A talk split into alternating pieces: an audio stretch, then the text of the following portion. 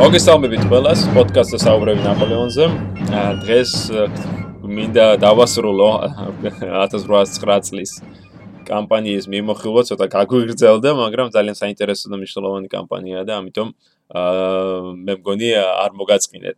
დღეს ჩვენ ვისაუბრებთ ამ კამპანიის დასასრულზე, კერძოდ ვაგრამის ბრძოლაზე და მის შედეგებზე.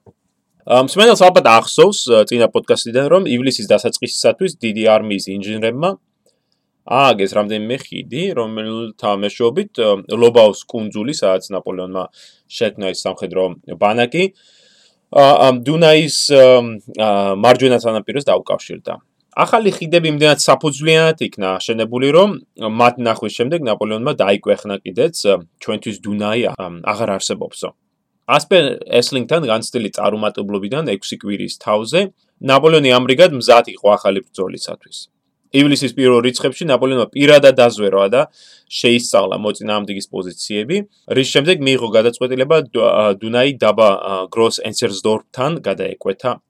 ამ დროისათვის დიდი არმია მოიცავდა 120000 ქვეითს, 23000-ზე მეტი მხედარს და 540-ზე მეტ ქვემეხს, რომელსაც სხვა შორის 10000-ზე მეტი მეზარბაზმე ემსახურებოდა. ფრანგი ოფიცერი ბლეიზი იხსენებდა, რომ ლობაუს კუნძულზე განლაგებულ ფრანგულ ჯარში ევროპის თითქმის ყველა ენაზე საუბრობდნენ: იტალიურ, პოლონურ, არაბულ, პორტუგალიურ, ესპანურ და სხვა სხვა გერმანულ დიალექტზე აღნიშნავს ეს ოფიცერი. იმ არაბულსთან დაკავშირებით მინდა აკაც ხაზი გაუსვა იმას, რომ ნაპოლეონის დიდ არმიაში არსებობდა ხო მამლუქთა ესკადრონი, რომელთა ერთი ნაწილი მამლუქთა ერთი ნაწილი იყო სწორედ ქართველი მამლუქები და აი სწორედ აი არაბულის ხსენებაზე მამლუქები ამ დროს უმეტე ბევრი მათგანი სწორედ არაბულად საუბრობდა ერთმანეთში. 4 ივლისის საღამოს იმპერატორმა გასცა მდინარის გადაკვეთის ბრძანება. იმ ღამით ჩატარებული ოპერაცია ერთ-ერთი უბრწყინვალესი მაგალითია იმისა, თუ როგორ უნდა დააბნია მოწინააღმდეგე და მოახდინოს ძლიერი მდინარის ფორსირება. მხოლოდ ერთი ღამის განმავლობაში ნაპოლეონმა მოახერხა 150000 მეტი ჯარისკაცის ასობით ზარბაზნის და ათობით ათასი ცხენის რომ არაფერი ვთქვა ათასობით სატრანსპორტო საშუალებაზე აი ყოველივე ამის გადაყვანა დუნაის მოპირდაპირე მხარეზე ისე რომ ავსტრიელებმა ეს ამბავი მხოლოდ უკვე მხოლოდ მომდევნო დღეს შეიტყვის როდესაც ფრანგებმა უკვე დაიგავეს პლაცდარმი დინარის გადაკვეთისთანავე ფრანგებმა აიღეს პოზიციები მაკფელდის ფერდობზე, სადაც მოპირდაპირე მხარეს მალე დაიწყო ერცჰერცოგ კარლის თითქმის 130.000-იანი ჯარი, რომელსაც 400-ზე მეტი ქვემეხი ახლდა თან. და სწორედ აქ აი ამ გაშლილ ფერდობზე მოხდა მომდენო ორი წლის განმავლობაში აი სახელგანთმული ვაგრამის ბრძოლა, სადაც თითქმის 300.000 ადამიანი იბრძოდა ცენტრალური ევროპის ხო მომავლის გადასაწყვეტად. 5 ივლისის დილით ფრანგებმა დაიკავეს გროს-ენცერსდორფი და ნაპოლეონმა თავისი შტაბი მოაწყო რაზდორფთან მდებარე მთაზე, უფრო მაღლობზე, ასე ვთქვათ, საიდანაც კარგად ხედავდა ბრძოლის ველს. ერცერდო კარმა თავისი ჯარი კი განალაგა რუსბახის მდინარის ნაპირზე, იმის მოლოდინში, რომ ფრანგები წამოიწებდნენ შეტევებს მის პოზიციებზე და ეს ეს მდინარეს დაიცავდა, გაამაგრებდა მის პოზიციებს და და რასთავარია ერთ-ერთო კარლის იმედოვნებდა კარლი რომ მისი ძმა ერცერცოგ იოჰანი შეძლებდა პრესბურგიდან დროზე მოსვლას და ბრძოლაში ჩაბმას. ნაპოლეონმა განალაგა თავის მარშალ დავუს корпуსი და დრაგუნთა ორი დივიზია მარჯვენა ფლანგზე. უდინოს корпуსმა დაიკავა ცენტრი, მასთან ერთად იყო ბერნადოტი, ხოლო მასენამ და მსუბოკმა კავალერიამ მარცხენა ფლანგზე იყვნენ. ეჟენ ბოჰარნეს იტალიურ ნაწილები და გენერლების მაკდონალდის და მარმონის корпуსები და მათ შორის იმპერატორის გვარდიაც იყო მეორე ხაზში, ხოლო ჯარის რეზერვში ადგენდა ბესიერის გვარდიის კავალერია. თავდაპირველად ნაპოლეონის გეგმა არ გამოირჩეოდა ორიგინალობით, როგორც ყოველთვის იმპერატორს ჩაფიქრებული ჰქონდა ცენტრალური შეტევით ადგილზე გაეჩერებინა მოწინააღმდეგე და შემდეგ საფლანკო მანევრებით გასულიყო ზურგში და აი ალკაში მოექცია მოწინააღმდეგე და გაინადგურებინა ან აი საფლანკო მანევრებით აეძულებინა მოწინააღმდეგე დახეულიყო უკან. ა ფრანგებმა შეტევა შუა დღისას წამოიწყეს. ცხინვა მცხუნვარე მზის მიუხედავად ფრანკ ფრანკთა შენაერთები გაიშალნენ ხორბლით სავსე მინდვრებში და საკმაოდ გრძელი 15 კილომეტრზე უფრო განიერ ფრონტი ფრონტზე გაიშალნენ 4-ის ნახევრისათვის ბერნადოტის корпуსმა იერიში მიიტანა სოფელ რარსდორფზე და ხელ ჩაიგდოის, ხოლო 5 საათისათვის უკვე მიუახლოვდა სოფელ ადერკლას, რომელსაც განსაკუთრებით დიდი მნიშვნელობა ჰქონდა ნაპოლეონის გეგმისათვის, ვინაიდან მისი დაკავებით ფრანგები შეძლებდნენ ავსტრიელთა პოზიციების შუაზე გახლეჩვას. ამასობაში ნაპოლეონმა წამოიწყო ზოგადი იერიში ავსტრიელთა მთელი ხანძრის წინააღმდეგ, და გააფთრებული ბრძოლა მძვინვარებდა სოფლებს მარგრაფნეუს ცილსა და დოიჩე ვაიგრამს შორის გაშლილ ამ ვრცელ ველზე. 7 საათისათვის უდინოს корпуსმა მიიტანა ძლიერი ერიში, როგორ სოფელ ბაუმერსდორფზე, რომელიც ავსტრიელთა ცენტრში მდებარეობდა. უდინოს 8000-მდე კაცი იყავდა, მაგრამ სოფელში გამაგრებულმა 1500-მა ავსტრიელმა შეძლო ფრანგების შეტევების შეჩერება და საკმაოდ დიდი საკმაოდ ძიმე დანაკარგიც მიაყენა მათ. ფრანგებს დიდად უშლიდა ხელს ის, რომ ავსტრიელები, როგორც აღნიშნე, რუსბაჰის აი მდინარის ჩრდილოეთ ნაპირზე იყვნენ, რაც აიძულებდა ფრანგებს სწორედ შეტევებისას ჯერ დინარე გადაეკვეთა და შემდეგ მიეტანა იერიში უკვე თვითონ ავსტრიელთა პოზიციებს და ამის შედეგად ხო ამ დაპყრობა იქნებოდა. მართალი რუსბახი არც ისე განიერი იყო, მაგრამ მის ციცაბო ნაპირები მაინც წარმოადგენენ საკმაოდ მნიშვნელოვან დაპყრობას ფრანგებისათვის. ამის შედეგად 5 ივლისის საღამოს 9 საათისათვის ფრანგთა შეტევები თითქმის ყველგან წარუმატებელი გამოდგა. ხოლოდ აი მარცხენა ფლანგზე, სადაც ეჟენ ბოჰარნეს იტალიური ქვედანაყოფები იბრძოდნენ, შეძლეს ფრანგებმა შეღწევა სოფელ დოიჩე ვაგრამში. თუმცა ეს საკმაოდ ძვირი დაუჯდა და ამას შეეწირა 4 გენერალი და რამდენიმე ასეული ჯარისკაცი. ეჟენის ამ წარმატებამ მაინც მისცა საშუალება მარშალ ბერნადოც, რომელიც როგორც აღნიშნე ცენტრში იყო, განიახლებინა შეტევა აი უკვე მზის ჩასვლის სანავე და საბოლოოდ აი ბრძოლა დასრულა იმით რომ შუაღამისკენ ფრანგებმა შეძლეს სოფელ ადერკლასის ხელში ჩაგდება მზე ჯერ კიდევ არ იყო ამოსული 6 ივლისს, როდესაც ავსტრიელებმა წამოიწყეს კონტრშეტევები. თავდაპირველად ეს დაბა გროსჰოფენთან მოხდა, მაგრამ აქ მათ მედგრად დაუხვდათ რკინის მარშალი ლუი ნიკოლა დავუ. ბრძოლა მალე ფრონტის სხვა მონაკვეთებზეც გაჩაღდა. სოფელ ადერკლასში, აი სადაც ბერნადოტი იდგა, ეს ბრძოლა ისეთი გაშმაგებული, ისეთი გაშმაგებით განახდა, რომ ბერნადოტმა განიცადა მძიმე დანაკარგები და მიიღო გადაწყვეტილება ნაპოლეონის ბრძანების გარეშე დახეულიყო უკან და მიეტოვებინა სოფელი. იმპერატორი განრისხებული იყო ბერნატოზის ამ გადაწყვეტილებით, ვინაიდან ეს დიდ საფრთხეს უქმნიდა მთელი ბრძოლის მსვლელობას. ნაპოლეონმა იცოდა ბერნატოზის დანაკარგების შესახებ, მაგრამ მაინც მოელოდა, რომ მარშალი შეძლებდა გამაგრებულ სოფელში პოზიციების შენარჩუნებას, სანამ დამხმარე ძალა მოვიდოდა.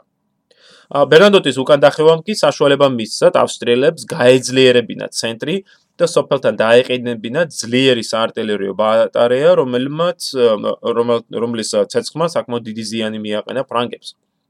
სწორედ ამიტომ ნაპოლეონმა თავისთან დაიბარა ბერნადოტი და ბრძოლის ველზევე გაკიცხა ის, ჩამოართვა მას корпуსის მეთაურობა და ჯარის უკანახაში გაგზავნა და ჩვენ ხედავთ, რომ აი სწორედ აი ამ მომენტიდან ხდება ამ ბერნადოტსა და ნაპოლეონის შორის ამ ურთიერთობის გამძაფრება და ბერნადოტმა მართლაც რომ არ დაუვი არ დაავიწყდა ეს გაკიცხვა და ვაგრამში მომხდარი ხო ეს განხეთქილება ნაპოლეონთან. ა დილის 8 ნახევრისათვის ნაპოლეონმა უბრძანა სენსირს და მასენას ფრანგული და გერმანული დივიზიებით ხელახლა აიღოთ ადერკლა და ფრანგებმა თითქმის 2 საათის განმავლობაში იბრძოლეს ამ სოფლის ასაღებად და აი ასობით ჯარისკაცი დაკარგეს სანამ დაახლოებით 10 საათისათვის ბერნატოტის მიტოვებული სოფელი კლავ ფრანგების ხელში არ აღმოჩნდა. ამავე დროს მარშალი დავუ იმყოფებოდა ფრანგთა მარჯვენა ფლანგზე, დაბა მარგრაფნეოსელთან. და დაძვერვის შედეგად დავუ ნახა, რომ რუსბაჰის მდინარეზე არსებობდა ფონები და დილის 10 საათზე სწორედ მაშინ როდესაც ფრანგები არდარ კლანში შედიოდნენ, დავომ წამოიწყო ძლიერი შეტევა თავისი ორი უკვდავი გენერლის, ეს უკვდავი მეცახელით გენერლები პრიანი და მორანის დივიზიებით, რომლებმაც მალე დაიკავეს ეს დაბა მარგრაფნესეული და ავსტრიელები აიძულეს ავსტრიელთა მარცხენა ფლანგი უკან დახეულიყო. ავსტრიელებს კარგად ესმოდათ, რომ აი ამ დაბას, ამ დაბის დაკარგვა დიდ საფრთხეს შეუქმნიდა მათ, რომ მარგრაფნესეული იყო მათი მარცხენა ფლანგის ბურჯი და აუცილებელი იყო მისი დაბრუნება. ამიტომ ჰერცერცო კარმა დაუყოვნებლივ ბრძანა კონშეტევა ამ ამ მიმართულებით. და აი მომდენო რამოდენიმე საათის განმავლობაში სწორედ ავსტრიელები გააფთრებით ცდილობდნენ ამ სოფლის დაბრუნებას, მაგრამ მათი შეტევები ამაო გამოდგა დავუს წინააღმდეგ.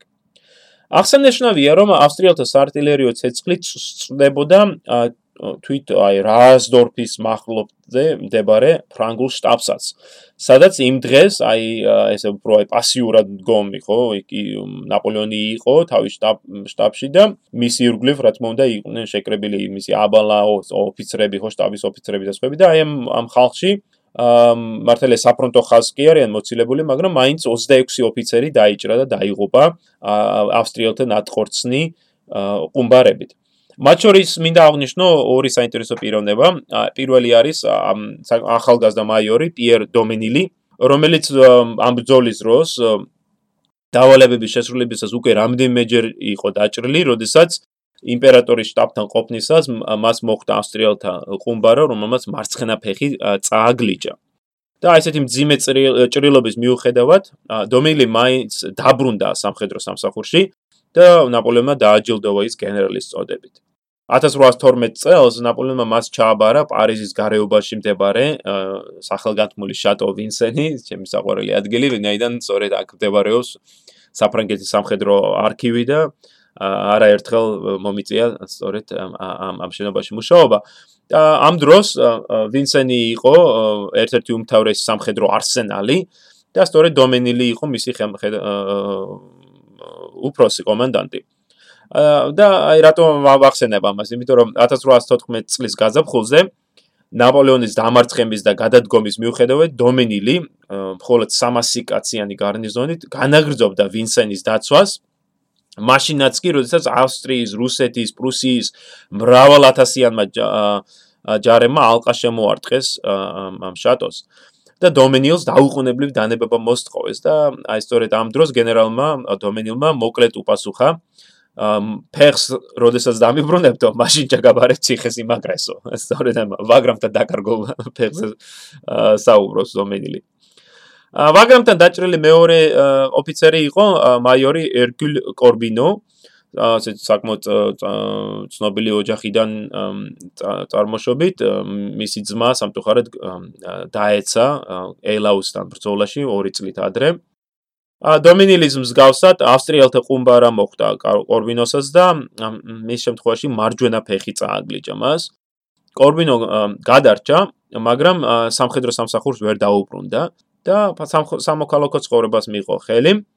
აა დაახლოებით წელიწად ნახევრის შემდეგ ამ მოვლენებიდან კორბინო სენის დეპარტამენტში საგადასახადო ინსპექტორად უნდოდა მუშაობის დაწყება, მაგრამ ნაპოლეონის მიერ მიღებული ამ კანონების მიხედვით ამ თანამდებობაზე დანიშ დანიშ იმისთვის რომ დაინიშნო ამ ამ თანამდებობაზე საჭირო იყო შესაბამისი ანაბარის შეტანა, დეპოზიტის შეტანა, ასე ვთქვათ, ბანკში.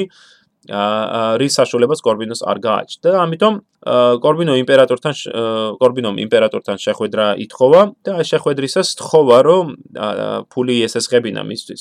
ნაპოლეონმა უპასუხა რომ ეს ანაბარი კორბინომ ვაგრამის ველზე შეიტანა როდესაც ფეხი დაკარგა და უმალვე დაამტკიცა ეს ოფიცერი თანამდებობაზე. ეხლა უკვე მოდი დაუბრუნდეთ ბრძოლას ავსტრიელები აშკარად უმიზნებდნენ ფრანკთა შტაბს, რის გამოც ნაპოლეონის ამალა მართლაც ნერვიულობდა, რამე არ მოსვლოდა იმპერატორს.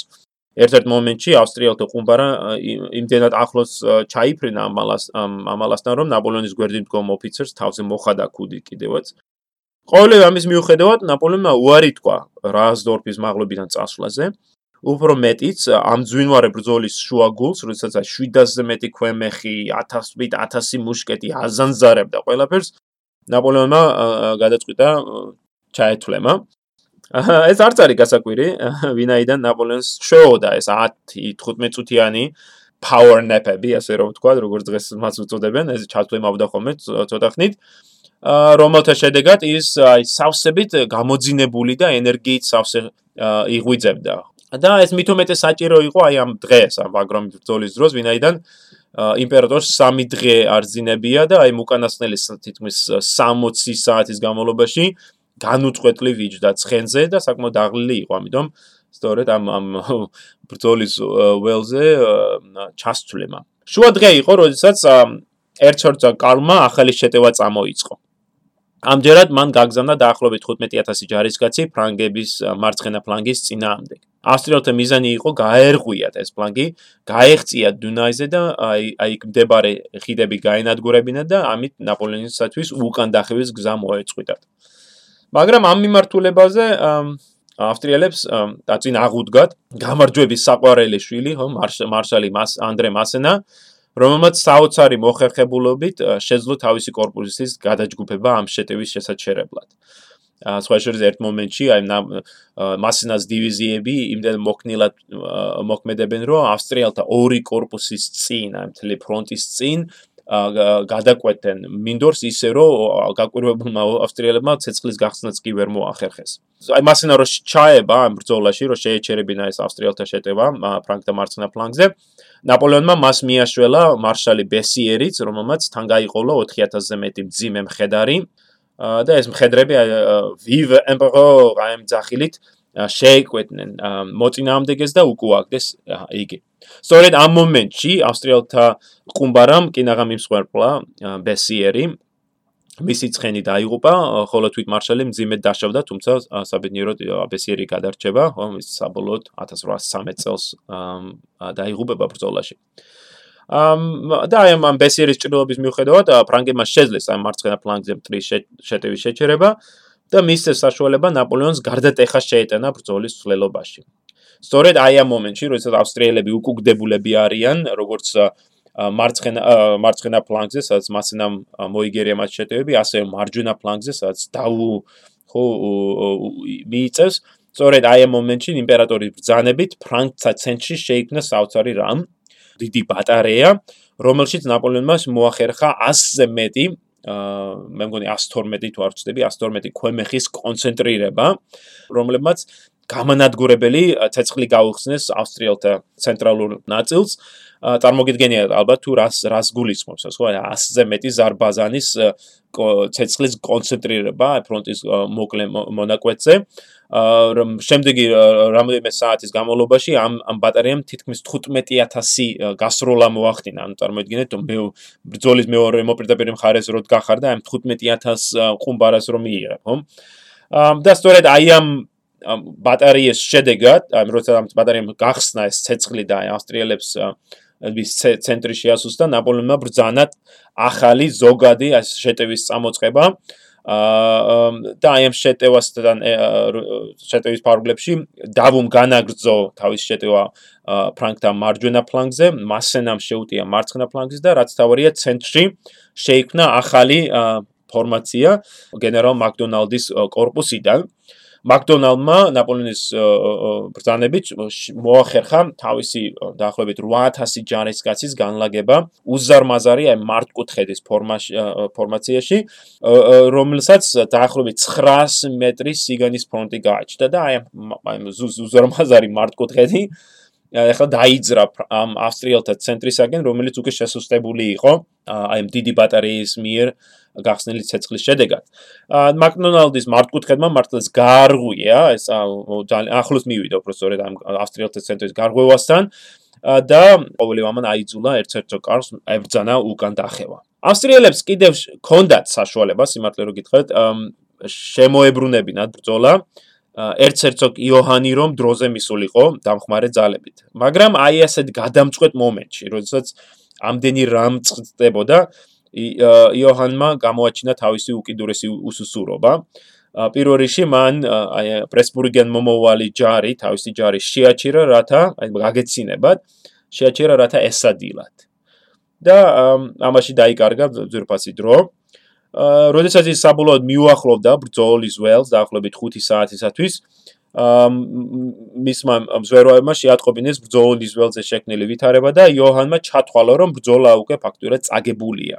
მიუხედავად იმისა, რომ ერცორძე კარლის ჯარი ჯერ კიდევ ბრძოლის უნარიანი იყო, მას ჯერ კიდევ შენარჩუნებული ჰქონდა თავის პოზიციები, რომ იოჰანს რომ შეეტია, დიდი საფრთხე შეექმნებოდა ფრანკთა მარცხენა ფლანგისათვის, აი უბრალოდ მარჯვენა ფლანგისათვის და აი მიუხედავად ყოველი ამისა, იოჰანმა ჩათვალა, რომ ეს ბრძოლა უკვე წაგებულია, არ ღირს ჩაბმა და თავისი ჯარი უკან შეაბრუნა ისე რომ ერთი ტყვია წარ გაუსრულიათ. აი რომ არა ის ფაქტი რომ იოჰანი იყო თვით ავსტრიის იმპერატორ ღვიძლი ძმა, მას ნამდვილად არ აცდებოდა სამხედრო სასამართლო. შუადღის მეორე აი დღის მეორე ნახევარზე, ეს უკვე ივლისის 6 ივლისის ხო მეორე ნახევარზე, ერცე კალმა მოახდინა აი უკან დახევა. ფრანგების ძალისხმევის მიუხედავად მისმა ჯარმა შეძლო აი ბრძოლით დახეულიყო სამშვიდობოს არც ერთი ავსტრიული ქვანანაყოფი არ არ იქნა განადგურებული, არ შეიმჩნეოდა არეულობა, პირიქით თვით ფრანგებიც იყვნენ გაკურებული იმ დისციპლინით და იმ ბრძოლის უნარიანობით, რომელიც აი ავსტრიელმა ქვანანაყოფმა გამოიჩინეს და აი აქ ჩვენ ხედავთ. მართლაც პირველად აი უკანასკნელი 10 წლეულის განმავლობაში რომ აი ფრანგების მოწინააღმდეგემ ამ შემთხვევაში ავსტრიელებმა ისწავლა თუ როგორ უნდა მართლაც ებრძოლათ არც ერთერგულ კარლის რეფორმებზე ჩვენ ვისაუბრეთ და ჩვენ ხედავთ აქ აი მათ ناقობს რომ ავსტერლიცისგან განსხვავებით ავსტრიელები არ იქნენ განადგურებული პირიქით შეინარჩუნეს ბრძოლის უნარიანობა და აი თანდათანობით უკან დაიხინენ. ბრძოლა ვაგრამის ბრძოლა დასრულდა მზის ჩასვლასთან ერთად. ორთავე მხარეს ავსებით ძალა გამოცლილი იყო ამ ორდღიანი ხოცვაჟლეტვის შედეგად. აა რომელმაც იმსხვერპლა არანაკლებ 30000 ფრანგი ჯარისკაცისა, ხოლო ავსტრიელებმა დაკარგეს 23000 ჯარისკაცი მკვდარი და დაჭრილი და კიდევ 18000 ტყვე. მაგრამ აი ამ წინა ბრძოლებისგან განსხვავებით, თუნდაც ავსტერლიცისგან ან რივოლისგან, ხო, ან წინა ბრძოლების განსხვავებით, ავსტრიელებმა როგორც თქვი, შეინარჩუნეს თავისი ბრძოლის უნარიანობა და რაც თავია, მაგალითად შეძლეს артиლერიის თითქმის სრულად გადარჩენა. ამ ხელა ბრძოლის შემდეგ ფრანგებმა მხოლოდ 9 ქვემეხი ჩაიგდეს ხელთ. მართალია ნაპოლეონი 7 ივლისის დილის 2 საათზე მიწერილ წერილში წერს რომ ციტატა ჩემი მოწინააღმდეგე სავსებით განადგურებულია ეს ეს ნამდვილად არ შეეფერება სინამდვილეს წინა წლებიდან და გამარჯვებების ხო აი აუსტერლიცის იენა აუშტატთან ფრიდლანდთან და აი ბრძოლებიდან განსხვავებით მოწინააღმდეგე არ იყო განადგურებული ავსტრიელებს ჯერ კიდევ გააჩნდათ ბრძოლის უნარიანი ჯარი, მაგრამ აი კлауზევიც ის ხო თიმ ნაწერებიდან გამომდინარე, აი პოლიტიკური ნება, როგორც ასეთი ამ ბრძოლის გაგრძელების უკვე აღარ არსებობდა და ავსტრიელები იძულებულები იყვნენ წასულიყვნენ დაზავებაზე.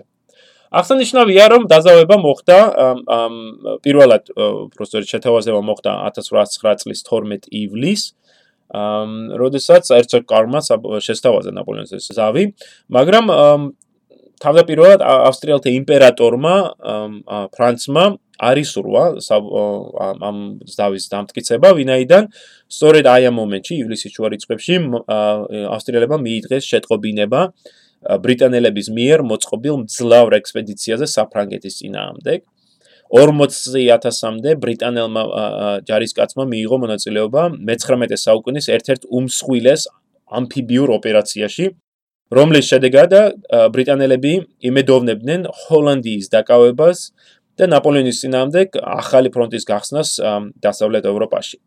მაგრამ ეს ექსპედიცია კატასტროფით დასრულდა.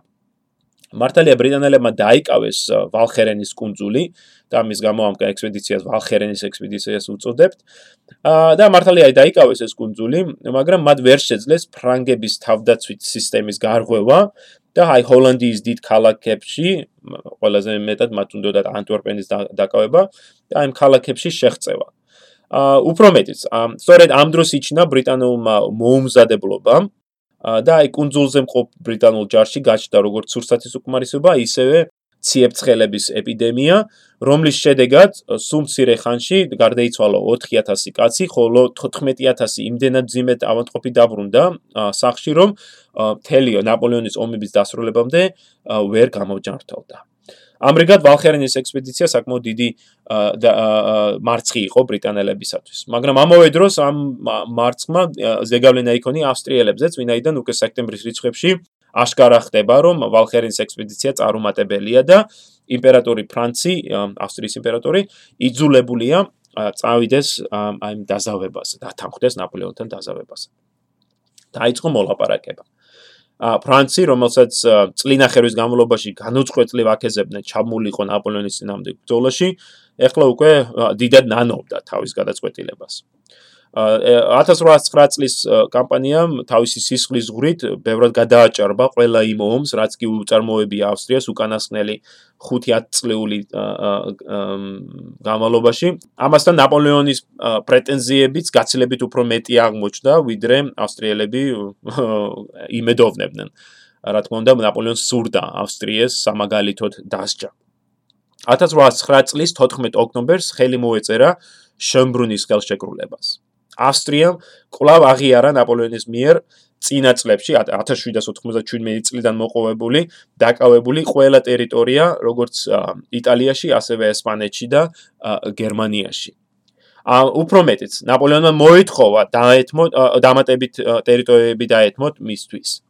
ამ შემთხვევაში 1809 წელს ავსტრიამ დაკარგა ისეთი რეგიონები, როგორიც არის კარინთია, კრაინა, ისტრია, ტრიესტი და ქალაქ ტრიესტი და თლიანად ტრიესტის ოლქი.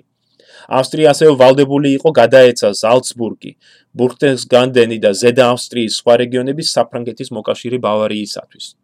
უფრო მეტიც, ნაპოლეონმა ჩამოართვა ავსტრიას ყოფილი პოლონეთის გალიციის მხარე, რომლის 4 მეხუთედი შეუერთდა ახლად შექმნილი ვარშავის სახელმწიფოს, ხოლო დანარჩენი 1 მეხუთედი საჩუქრად გადაეცა რუსეთს, რომელიც როგორც მოგახსენებათ, ატილზიტის მერე საფრანგეთის მოკავშირე იყო. თლიანობაში ამ ტერიტორიული ცვლილებების შედეგად ავსტრიამ დაკარგა 3.5 მილიონზე მეტი მოსახლეობა. მიწების გარდა ნაპოლეონმა ასევე სხვა ვალდებულებებიც დააკისრა ავსტრიას. ვენის კარი იძულებული იყო მხარი დაეჭირა ნაპოლეონის მიერ წამოწყებულ კონტინენტური სისტემისათვის და დაპირისპირებოდა ბრიტანეთს. უფრო მეტიც, ავსტრიას უნდა გადაეხედა ძიმე სამხედრო კონტრიბუცია ოქროთი და დათანხმებულიყო შეზღუდვაზე, რომელიც აუკრძალავდა ავსტრიას ყოლო და 150000-ზე მეტი კაცისგან შემდგარი არმია. 1809 წლის დამარცხება მართლაც რო დამანგრეველი იყო ავსტრიისათვის. ჩვენ უკვე ვისაუბრეთ დაკარგულ მიწებზე, ხო, ძალიან დიდი ტერიტორია დაკარგა ავსტრიამ, ფაქტურად ხდება ავსტრიის ჩამოქვეითება, აი მეორე ხარისხოვან, ხო, ევროპულ ქვეყნად, ასევე კონტრიბუციის გადახდა, რა თქმა უნდა, საერთაშორისო პრესტიჟის შელახვა და ყოველივე ეს იყო აი ამ ომის შედეგები. უფრო მეტიც, მინდა ხაზი გაუსვა ერთ მნიშვნელოვან გარემოებას. ასწორედ აი ამ ომ ამ ომმა დიდი ცვლილება შეიტანა თვით ავსტრიულ ხელისუფლებაში. სადაც ძველი თაობის სახელმწიფო მოღვაწეები, აი მათ შორის ყველაზე მნიშვნელოვანი იყო საგარეო საქმეთა მინისტრის სტადიონი. სწორედ აი ამ ძველი თაობის სახელმწიფო მოღვაწეები ჩამოშორდნენ თანამდებობებს, ხო ხდება აი ფაქტურად გაწმენდვა ავსტრიული ხელისუფლების და მათ ნაცვლად დაწინაურდა ახალი თაობა. და ის სწორედ 1809 წლის დამარცხების შედეგად მოხდა ახალგაზრდა ავსტრიელი დიპლომატის კლემენს ვონ მეტერნიკის დანიშნა საგარეო საქმეთა მინისტრის პოსტზე, რაც საბედისწერო ზეგავლენას იქონიებს ნაპოლეონის მომავალზე. გარკვეულწილად შომბრუნის ხელშეკრულება ნაპოლეონის ძალაუფლების ზენიტი იყო. მან უკვე მერამდინად დაამარცხა ავსტრიის იმპერია და უკვე ფრანგული იმპერიის საზღვრები უშუალოდ ბალკანეთის ნახევარკუნძულზე, დღევანდელი ხორვატიის ტერიტორიაზე გადიოდა. ნაპოლეონის იმპერია უკვე მოიცავდა თითქმის მთელ ევროპას, პორტუგალიის საზღვრიდან დაწყებული რუსეთამდე და აი შვედეთიდან, შვედეთიდან იტალიამდე ფრანგების ზეგავლენის ქვეშ იყო. ან უშუალოდ ფრანგული იმპერიის შემადგენელი ნაწილი იყო და სწორედ ახლა აი ამ მომენტში ხდება აი ფრანგული იმპერიის ზენიტი თვითონ ტერიტორიულის ტერიტორიის მხრივ, როდესაც უშუალოდ საფრანგეთი, აი რასაც იცვლებოდა საფრანგეთი, მოიცავდა არა მარტო დღევანდელ საფრანგეთს, არამედ გერმანიის ნაწილს, ბელგიას, ასევე დღევანდელ ხორვატიის და სლოვენიის ნაწილებს, რომ არაფერი ვთქვათ იტალიაზე, ანუ თვითონ საფრანგეთი საკმაოდ მოზრდილი გახდა. მაგრამ ამავე დროს არ დაგავიწყდეს რომ ნაპოლეონი აკონტროლებდა გერმანიის, ხო, რაინის კონფედერაციას, აკონტროლებდა შვეიცარიას, ასევე სამხრეთ იტალიას და მისი მოკავშირეები იყო დანია, ნორვეგია, ცოტა ხანში შვედეთიც შეუერთდება მათ და აი პრუსია არის თითქმის განადგურების პირას და ამჯერად ავსტრიაც უკვე ისევ დამარცხებული არის. ასე რომ 1809 წელს ნაპოლეონს არ ყავს ასე ვთქვათ მოწინააღმდეგე კონტინენტზე. აა ყოველ შემთხვევაში მას ასე მიაჩნია ვინაიდან ესპანეთში მოხდარი მოვლენები მის მას actually არ მიაჩნდა საკმარისად სერიოზულად ჯერჯერობით. აა მართალი უკვე მან იცის რა თქმა უნდა რომ ბრიტანელებს აქვთ პლაცდარმი პორტუგალიაში, მაგრამ ეს მეორე ხარისხოვნად მიაჩნია და აი აი საკმაოდ საბედისწერო შეცდომა არის ნაპოლეონის მხრიდან, ხო, ალბათ და მნიშვნელოვანი კარგი იქნებოდა, რომ 1800 10 წელს, 9 წლის მიწურულს, ან 10 წლის გაზაფხულზე ნაპოლეონი წასულიყო ესპანეთში და მიეხედა იქ სამხედრო პოლიტიკური ვითარებისათვის. მაგრამ როგორც ხედავთ, აი აი ამ მეხუთე კოალიციის ომის შედეგად 1809 წლის მიწურულს ნაპოლეონი კლავ ზეობს ევროპაში. მაგრამ ამ ძლიერების ფონზე უკვე იკვეთება ისეთი ფაქტორები, რომლებიც საბოლოოდ ხელს შეუწყობენ ფრანგული იმპერიის დაცემას. ჩვენს მენელისათვის კარგად ცნობილია ეს პოპულარული ციგნების სერია და ეხლა უკვე სერიალი სამეფო კარის თამაშები. და მინდა დავესესხო სწორედ ამ ამ ამ ციგნების ეს ცნობილი ფრაზა. და ვთქვა რომ 1809 წლის ზაფხულშიც კი ჩანს რომ ზამთარი უახლოვდება ნაპოლეონს. უნდა დავეთანხმოთ ერთ სახელგანთქმულ ბრიტანელ სამხედრო ისტორიკოს, როდესაც ის აღნიშნავს, რომ 1809 წლის კამპანიამ გარკვეულწილად წარმატების ილუზია შექმნა. მეხუთე კოალიციის ომის დროს, რომელიც შევახსენებს მენელს მხოლოდ 3 თვე ნახევარი გაგრძელდა აპრილიდან ივლისის შუა რიცხვებამდე, ნაპოლეონმა ბევრად უფრო მეტი შეცდომა დაუშვა ვიდრე ყველა მის სხვა წინა კამპანიაში. ბერტიეს დანიშნა გერმანიის ჯარის თავსალად, მაშინ როდესაც მას არ გააჩნდა საკადრისი გამოცდილება, ერთ-ერთი უპირველესი შეცდომა იყო, რომელსაც შეეძლო სავალალო შედეგები მოეტანა ფრანგებისათვის. აპრილის მიწურულს კამპანია მართალია ტაქტიკურად წინვალეთ იყო ჩატარებული, მაგრამ სტრატეგიულ დონეზე ნაპოლეონმა ხომ ვერ მიაღწია თავის თავარ საწადელს. გაინადგურებინა მტრის ჯარი და აიძულებინა ავსტრია წასულიყო დაზავებაზე. ამ კამპანიის დროს ნაპოლეონმა დაარღვია ერთ-ერთი ყველაზე მნიშვნელოვანი სამხედრო პრინციპი, რომლითაც ის ასეთი დიდი წარმატებით ხელმძღვანელობდა წინა კამპანიებში, კერძოდ ძალთა კონცენტრაცია. როგორც ნახეთ, იმის ნაცვლად რომ დადევნებულიყო მთელი ძალებით ერცოგ კარლის ჯარს, ნაპოლეონმა დააწევრიანა თავისი ძალები და ცალკე დავალებები მისცა მასენას, ლეფევრს და სხვებს. თუმცა ცალკე აღებული ეს დავალებები არც ისე მნიშვნელოვანი იყო. ასევე რთულია დაეთანხმო იმპერატორს მის გადაწყვეტილებაში წასულიყო ვენაში, იმის ნაცვლად რომ აეგო პაუნტონების ხიდები დუნაიზე და უკან დახეო მტერს დადევნებულიყო. არ მიეცა ავსტრიელებს გონზე მოსვლის საშუალება. გარკვეველია რას მოელოდა ნაპოლეონი ვენაში.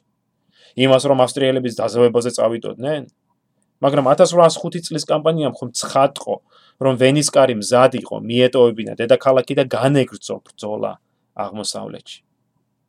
ტაქტიკურ დონეზეც ნაპოლეონმა უხეში შეცდომები დაუშვა 1809 წელს. მაგრამ ყველაზე საგანგაშო იყო ასპერენ ესლინგდან დინარეზე მომზადებლად გადასვლა, რის შედეგად ფრანგები ფაქტობრივად დამარცხდნენ. მართალია დიდი არმიის ბიულეტენები საუბრობენ აქ მოპოვებულ დიდ გამარჯვებებზე, მაგრამ რეალობაში აქ განცდილი დამარცხება სწორედ ნაპოლეონის ზედმეტი თვითდაჯერებულობის შედეგი იყო. რამაც ათასობით ფრანგი ჯარისკაცის სიცოცხლე შეიწირა და იმპერიის პრესტიჟი შელახა.